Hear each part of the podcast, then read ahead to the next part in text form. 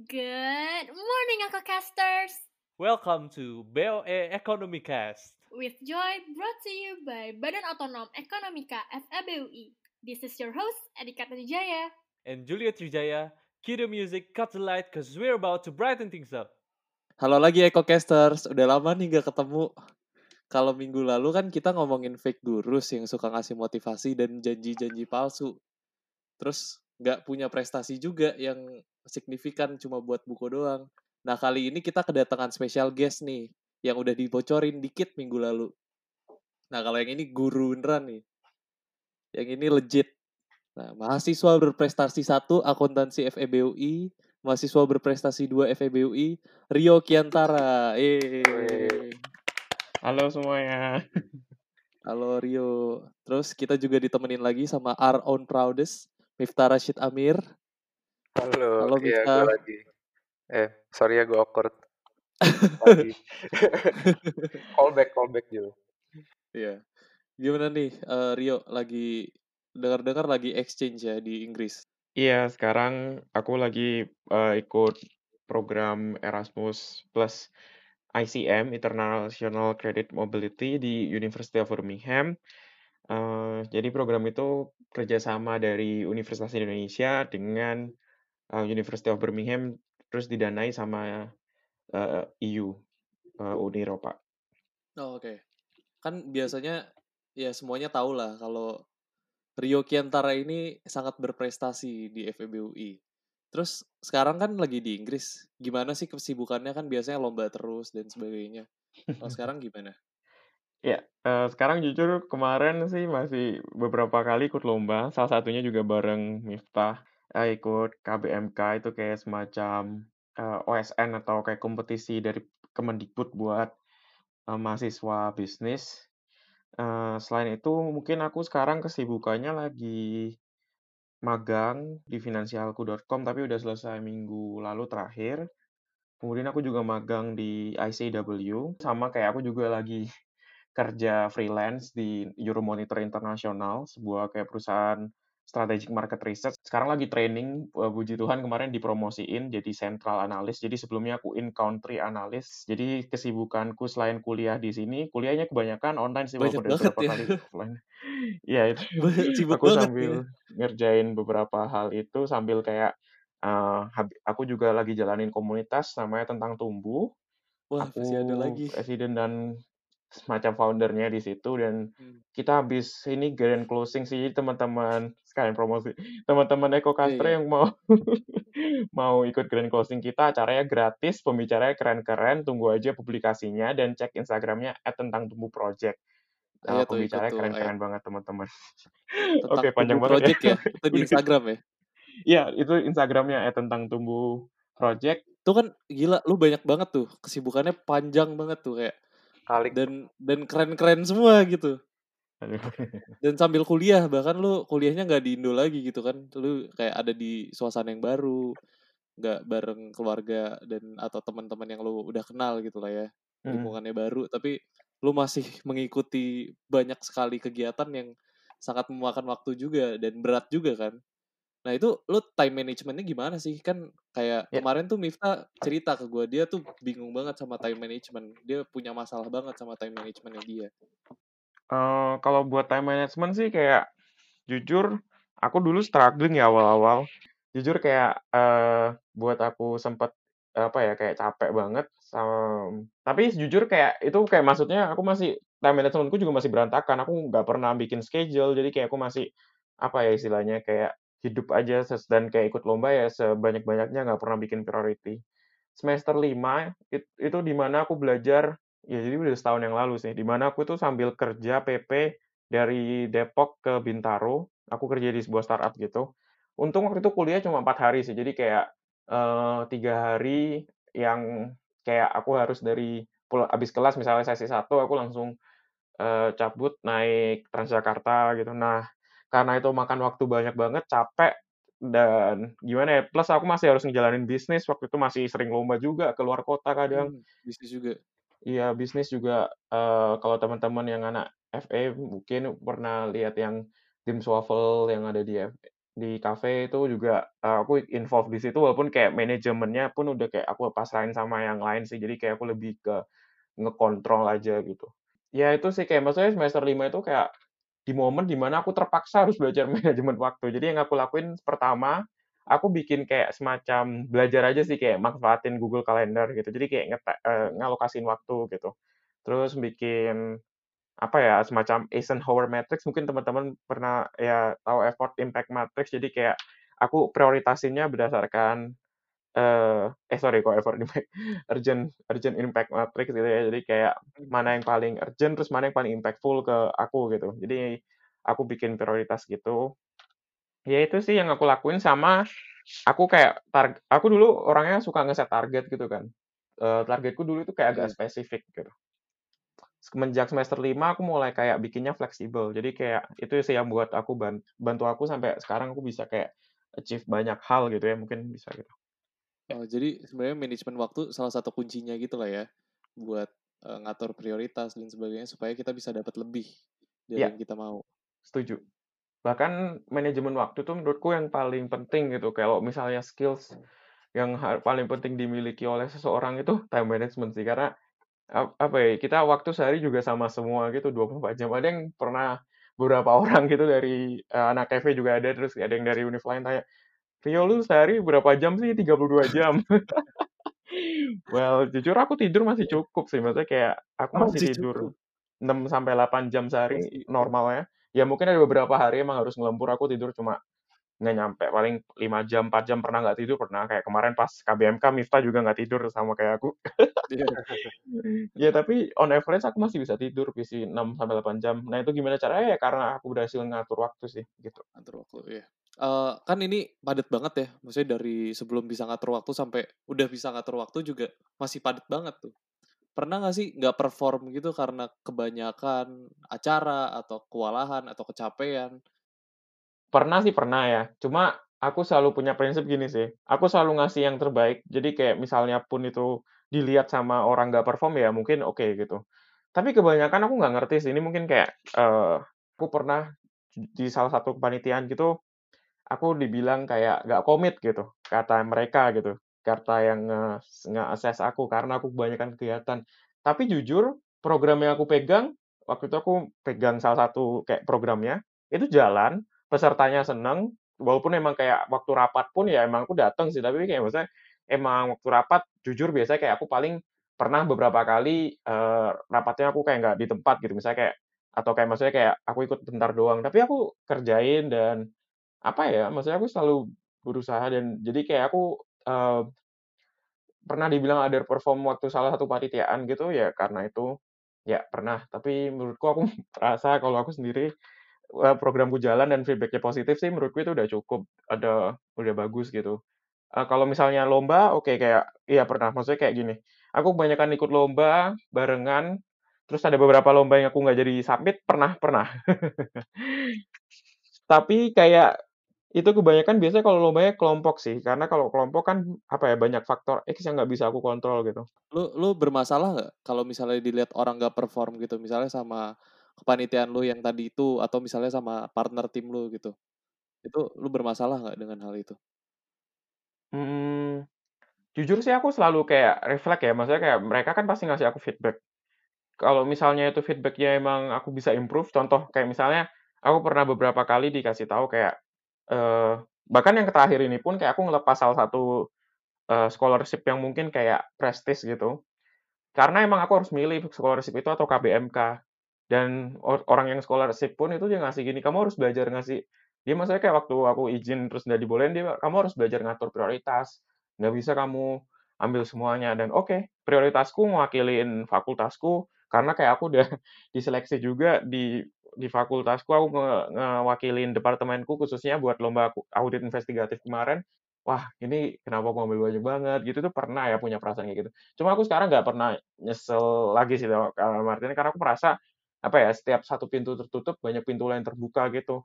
Dan kalau misalnya di lomba gitu ya, aku nggak pernah sih kayak, eee, waktu lomba bareng sama temen dibilang kayak aku ngilang gitu, aku maksudnya belum pernah, eee, ada yang ngomong ke aku, malah kebanyakan kalau misalnya lomba tim itu partnerku yang ngilang jujur, kayak Coba Mif, testimoni dong Mif. Kan lu sering nih jadi partnernya Rio. Waduh, Iya, kagak. beberapa kali. Angle-nya di sini gue Rio sebagai ini terus gue sebagai antinya gitu ya. Manajemennya nggak berhasil, hidupnya berantakan. Monggo, monggo, Mif. Jadi, jadi kalau eh, dari gue kayak gue lupa deh kemarin kita ngomonginnya di podcast atau bukan atau bukan ya Ju. Pokoknya yang gue pernah bahas tentang eh, masalah gue itu bukan sebenarnya bukan cuma manajemen waktu tapi manajemen otak gue sendiri gitu loh. Iya. Jadi Sering sih, lu sering Iya, jadi gue nggak bisa ngatur hidup gue karena mungkin nggak tahu ya, gue nggak bisa ngukur kapasitas gue sendiri atau sebenarnya gue nggak bisa ngalokasiin waktu aja atau gimana. Tapi gue udah nyoba banyak hal gitu kan, gue udah nyoba. Sekarang gue punya papan tulis di depan gue terus ada ada Baru beli tuh. kuliah, ada asdos, BOE, lomba. Terus gue cek apa aja masing-masing checklistnya gitu-gitu. Terus gue punya timetable juga apa namanya setiap hari harus ngapain. Gue punya checklist di kertas, terus gue punya sticky notes di laptop gitu-gitu. Tapi Mm-mm. apa namanya masalahnya tuh itu jadi kerjaan tambahan ngerti gak sih? Itu jadi kayak oh sekarang gue semua hal ini semua hal ini harus gue kerjain. Terus kadang gue lupa buat kerjain jadi ya kerjaannya nggak nggak kelar juga gitu.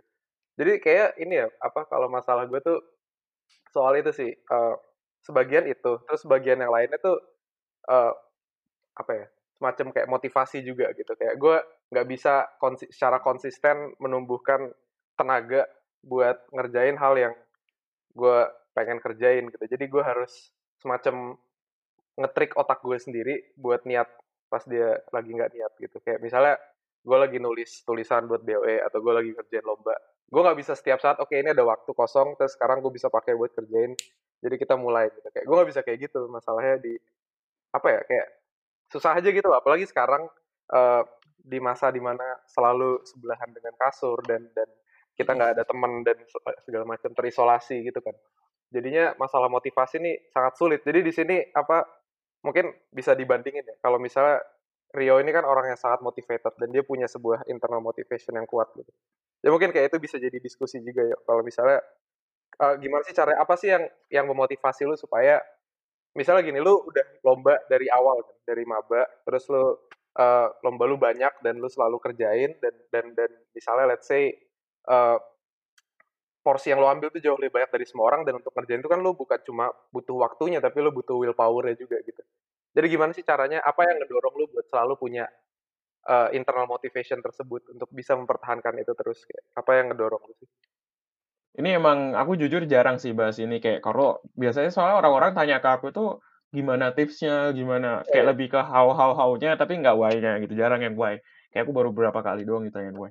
Kalau why-nya sih kayak aku jujur apa ya nggak bisa jelasin itu dalam satu kalimat gitu. Mungkin kayak agak agak panjang. Pertama, keluarga gue itu eh, bisa dibilang emang apa hidup kita nyaman gitu. Maksudnya kayak waktu aku lahir emang sih kayak papa mamaku waktu aku lahir memang kayak eh, dua tahun pertama tiga lima tahun pertama bisa dibilang kayak eh, kayak sering ada konflik misalnya kayak pindah pindah karena kabur karena itu ya eh, tahun 99 gitu ya jadi kayak bisnis kita dirampok dibakar dicuri gitu jadi kayak mulai dari nol mulai dari nol itu kayak tahun-tahun itu lah ya tahun-tahun kita dijarah eh, ras eh, Tionghoa di Indonesia dijarah. Orang tua aku itu nekanin banget edukasi gitu. Kita nggak bisa makan yang penting Rio bisa sekolah gitu. Tapi aku harus ngekos sendiri ke Jember. Nah waktu ngekos tuh aku belajar sih kayak gimana cara hidup mandiri gitu.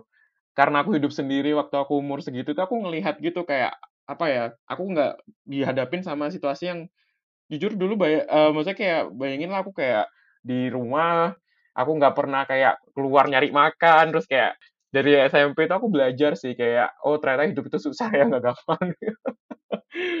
Itu sih yang aku itu kayak pertama kali. Dan SMP kelas sat, kelas 1 semester 2 aku mulai start my own business. Nah dari sini ini juga aku kayak ngerti passionku itu emang bisnis.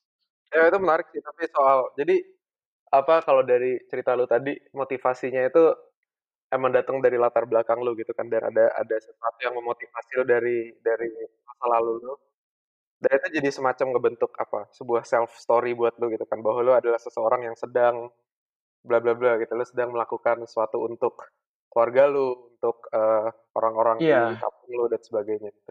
Iya bener sih. Jadi kayak sebenarnya tapi gini sih, Mif, kayak aku bener-bener sadar itu itu motivasiku waktu aku bikin esai. Nah dari situ tuh aku belajar ngerefleksiin atau enggak bahkan kayak misalnya eh, kemarin aku beberapa kali apply yang kayak apa ya bisa dibilang kayak leadership program itu kan juga ditanyain why-nya gitu kan kenapa lu ngelakuin ini gitu. Nah itu aku mulai sadar sih ternyata emang bener gitu kata lu Mif kayak self story lu itu yang bangun lu punya motivasi gitu. Tapi kalau aku menurutku kayak selain selain background emang ada kayak apa ya jujur sih aku memang mulai kecil emang dibilang orang-orang agak dalam tanda kutip itu emang agak beda gitu dari yang lain gitu ya. Maksudnya dalam artian aku mulai kecil suka ngobrol sama kakek nenek orang-orang yang tua gitu maksudnya kayak eh, teman-temannya nenekku terutama gitu dan aku eh, ngomong sama mereka itu sebenarnya aku pengen tahu gitu sih pendapat mereka tentang hidup atau kayak apa gitu terus jujur karena aku tuh emang orangnya punya high curiosity gitu jadi aku mau nyoba gitu nyesel tuh kalau aku nggak nyoba kalau lu nggak nyoba. Jadi menurut lu maksudnya semua kesempatan itu adalah kesempatan yang harus diambil. Karena kalau Eh, nggak bukan diambil, gitu sih. Semua kesempatan yang atau bukan semua kesempatan, ya semua kesempatan yang aku yang masih inline sama yang aku pengen. Aku punya end goals gitu, Mif. Kayak Mhm. eh, walaupun end goals-nya baru kebentuk kayak juga baru semester 5 kemarin gitu ya. Dan selama itu masih ada di end goals-ku itu aku ngambil kesempatan itu. end goals maksudnya end goals kayak gimana nih? Kayak maksudnya jangka waktu 10 tahun ke depan atau 30 tahun atau maksudnya end Waktu aku mati. lu mau mati sebagai orang yang kayak gimana? Iya, waktu aku mati aku mau, mau diingat sebagai orang yang apa. Itu itu end goals-ku. Jadi lu udah kepikiran itu nanti. Lu bakal mati sebagai orang kayak Jujur sih kayak emang masih eh, apa kayak ya aku tahu sih kayaknya. Maksudnya kayak aku tahu di mana tempat yang aku gara-gara ya jujur kembali karena emang background gitu. Karena aku selama kuliah ini ngetes-ngetes, aku ikut ini suka nggak. Mhm. Dan kalau emang ya. Soalnya soalnya gini Hmm. kayak kemarin kita pernah eh, salah satu episode kita juga kita ngebahas tentang ini kan masalah eh, social pressure, peer pressure eh, Hmm, terkait hmm. dengan kayak orang berprestasi, terus eh, kan kemarin sempat ada drama-drama, oh pamer prestasi di sosmed boleh atau enggak, apakah itu bikin orang insecure dan lain-lain. Itu sebenarnya bisa jadi tuh karena eh, ya banyak dari kita ya kita masih muda gitu kan, kita masih baru Hmm. kuliah, kita habis ini baru masuk ke dunia nyata, mengeksplor kita mau jadi apa, self identity kita tuh banyak yang masih belum jelas gitu loh. Iya. Dan gue juga menurut gue sih gue kalau lu tanya gue mau jadi mati sebagai orang kayak gimana, gue belum bisa jawab sama sekali gitu, gue gak punya bayangan. Dan banyak orang juga Oke. kayak gitu kan, tapi gara-gara kita masih unstable ini jadi rentan untuk terpengaruh terhadap uh, peer pressure dan dan dan Iya. dan validasi Iya. sosial gitu kan. Kalau Iya. misalnya lu kan oke lu udah punya visi yang jelas dan lu tinggal ikutin gitu. Jadi hidup lu punya path yang udah lu susun sendiri dan itu bagus gitu kan. Tapi buat orang yang nggak punya tuh jadinya misalnya Hmm, hmm. apa nih budaya berprestasi gitu kan. Kayak sekarang lu menurut lu ini gak sih kalau dari yang gue lihat sih kayak di FA itu ada ada tren uh, untuk uh, cenderung kayak ada ada uh, shift of trend dari dari dari dulu itu kayak ikut organisasi dan kepanitiaan sekarang jadi makin banyak yang ikut lomba gitu. Kayak Hmm, sekarang hmm, tuh hmm. orang dari maba dari semester Iya. 1. Kalau dulu kan sedikit kan ya, yang dari Iya, iya, semester iya. 1 langsung lomba. Oh, sekarang makin banyak dan banyak organisasi-organisasi baru kayak Accelerate lah, Student Catalyst, Iya. share yang mewadahi orang-orang kayak gitu sebutannya apa? Orang-orang achiever lah atau orang eh, yang High ambi achiever. High achiever. Ya, iya kan. Jadi ya ada demand untuk ini dan dan gue sih nggak yakin kalau tren ini tuh purely gara-gara orang-orang makin termotivasi secara intrinsik gitu. Kayaknya ada juga unsur eh, apa ya sebutannya kompetisi yang semakin ketat sehingga ekspektasi terhadap sesama tuh semakin tinggi kayak oh artinya gue juga harus lomba gue juga harus bla bla bla Oke. terus jadinya Iya. itu bisa jadi bikin apa ya bisa jadi pressure gitu buat Pressure, orang yang nggak iya. punya internal motivation yang jelas kayak lu gitu Oke. Oke, eh, ini mungkin aku jawab gini dulu ya, Bev. Aku kayak mau ngasih opiniku ya. Ini mungkin kayak unpopular opinion, tapi ini Iya, emang opiniku itu. kayak gini. Eh, jujur kalau aku dulu emang alasanku pernah aku lomba pertama itu ngetes diriku sendiri. Apakah aku cocok jadi seorang penulis? Selain itu emang kayak menurutku emang pressure di FE terutama itu kayak mungkin kemarin sempat dibahas BOE atau eh Kanopi deh ya, aku lupa kayak maksudnya pernah dibahas Hmm. juga masalah kayak di FE itu ada kayak dark triad atau apa gitu yang kayak budaya-budaya oh iya gitu. nah, itu kan oke deh iya. Kanopi ya, Kanopi ya. Ah. Ya, itu Kanopi bahas dark triad gitu. Terus jujur sih kayak aku punya split view ya kayak oke emang ada tapi kayak menurutku itu tergantung gini ya emang kayak aku nggak bisa generalisir orang ya. Emang aku kalau aku memang kalau aku di lingkungan yang kayak kompetitif aku bisa thrive di situ. Aku sebenarnya kalau dibilang self identity bisa dibilang masih kayak masih mencari mencari gitu ya jadi diri gitu kayak masih kayak apakah ini benar. Cuma at least aku udah tahu apa yang aku nggak suka dari aku nyoba. Jadi kenapa aku kayak bikin tentang tumbuh ini jujur aku mau kasih simple aja sih kayak be your own best version itu caranya gimana? Coba gitu. Iya iya iya. Dan nggak ada dari lu nyoba semua lomba yang ada gitu kan. iya Sampai aku lu kayak selalu ngasih tips. Kalau diundang SDAC aku disuruh dikasih suruh ngasih tips aku bilang coba aja semuanya gitu. Baru lu tahu mana yang itu. Buat masalah itu sekarang aku lihat tren itu jujur aku seneng sih maksudnya kayak apa ya aku ngelihat dulu itu emang jarang banget ya apalagi angkatan kita angkatan 16 deh gitu angkatan 16 angkatan atas gitu kayak gak semua orang lomba bahkan lomba itu hal yang apa ya upward Tapi bener sih bahwa maksudnya ada beberapa hal yang emang lu gak bisa dapet kecuali dengan pengalaman gitu kan. Kayak lu gak bakal tahu rasanya kayak gimana sampai lu nyoba beneran. Jadinya mungkin mungkin juga kayak gimana caranya lu ngebangun self identity atau atau motivation. Jadi ada sebuah feedback loop gitu loh antara lu punya motivation yang kuat dengan motivation ini bisa lu pakai buat ngelakuin hal yang lu pengen. Pertama lu harus tahu dulu lu pengen ngapain, lu pengen ke mana dan buat ngedapetin itu internal motivation itu lo harus nyoba semua hal supaya lo tahu gue suka apa dan gue maunya ngapain. Eventually lo bakal nemu gitu kan.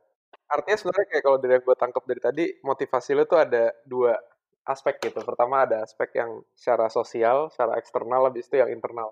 Kalau yang secara sosial itu sebagian dari apa uh, ikatan lo dengan uh, latar belakang lo dan kampung lo di Kencong dan lain-lain. Habis Hmm. itu juga yang secara ah, juga ini kan masalah tadi competition kayak lu sangat kompetitif gitu.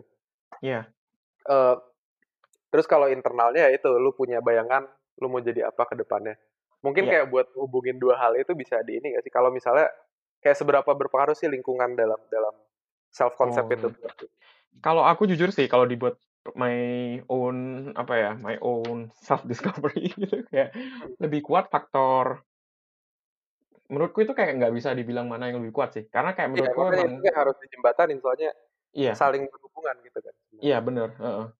Menurutku faktor internal dulu sih, Mif. Karena aku orangnya punya keinginan untuk achieve more gitu. Itu kayak selalu aku punya mulai dari kecil bahkan kayak Eh, jadi kayak yang gue tangkap sih apa moral value dari obrolan kita hari ini tuh bahwa motivasi itu nggak bukan bukan datang dari langit gitu kan itu sesuatu yang lu bangun sendiri. Kalau dari Rio ini dan yang kita melihatnya oke mungkin dia dari eh, SMA udah termotivasi atau apa tapi dari SMA pun itu dia udah punya sebuah hal ya masalah latar belakangnya tadi yang eh, ngasih dia push gitu untuk mau eh, achieve. Dan setelah dia udah masuk ke kuliah misalnya dan dihadapi dengan banyak opsi abis itu ada lo harus ngebangun sendiri gitu self identity lo apa dan dan apa hal yang suka apa hal yang lu pengenin lu pengen mati sebagai orang kayak gimana. Itu pertanyaan-pertanyaan susah yang mungkin sebelum kita mulai untuk melakukan sesuatu kita perlu melihat ke dalam diri kita sendiri masing-masing gitu kita maunya apa gitu kan. Karena apa tadi soal oh social pressure dan bagaimana kita tuh jadi insecure ngelihat achievement orang lain. Menurut gue itu bukan cuma masalah lingkungannya tapi juga masalah diri kita masing-masing gitu. Kalau misalnya lu apa gampang terpengaruh sama orang lain mungkin self identity lu atau your uh, sense of who you are itu rada lemah gitu kalau misalnya lu masih bisa tergoyang-goyang gitu kan. Harusnya lu punya sense of oke gue itu ini ya udah uh, biarin kalau orang lain itu beda itu nggak apa-apa gue punya rencana gue sendiri dan gue punya visi gue sendiri soal diri gue sendiri gitu kan. Karena lu yang in control of your life gitu. Artinya yang kita ngomongin kalau misalnya gimana caranya biar jadi uh, achieve better, gimana caranya untuk supaya bisa melakukan apa yang kita inginkan. Itu pertama kita harus tahu dulu apa yang kita inginkan dan apakah yang kita inginkan itu sama dengan apa yang orang lain inginkan, apakah yang kita inginkan itu sesuai sama uh, yang dilihat sama masyarakat. Untuk lu bisa jadi seor- seseorang yang outstanding, seseorang yang extraordinary itu harus lo harus punya visi lu sendiri juga gitu kan. Lu nggak bisa ngikut-ngikut doang. Kalau ngikut-ngikut doang lu nggak bakal jadi outstanding gitu. Nah, itu penting sih ada hubungan antara what you do uh, secara eksternal gitu, apa yang lo lakukan, apa yang lo tunjukkan kepada orang lain, what you do for the world, sama uh, diri lu sendiri, how you uh, manage your motivations and how you nurture uh, uh, an intrinsic drive to to to do things gitu. Harus ada sense of direction di situ. Ya, itu suatu yang dibangun dan ada ada ada hubungan reciprocal di situ ada tadi feedback loop tadi. kayak ikigai itu penting dicari teman-teman kayak apa yang membuat lu bangun tiap hari gitu kayak itu dorong apa yang buat lu bangun tiap hari itu bukan maksudnya gini ya lu bangun terus kayak oh iya gue mau ini enggak tapi kayak maksudnya semacam kayak ya itu legacy yang pengen lu kasih dan itu bangun dari grit itu sendiri kayak bangun seberapa mau keras lu berjuang ya itu sih kayak eh, dan itu kayak mungkin aku udah sering ngomong beberapa kali tapi kayak emang beberapa lomba yang aku bisnis case aku baru menang lomba ke-16 gitu. Dan itu kenapa aku masih mau ikut lomba lagi?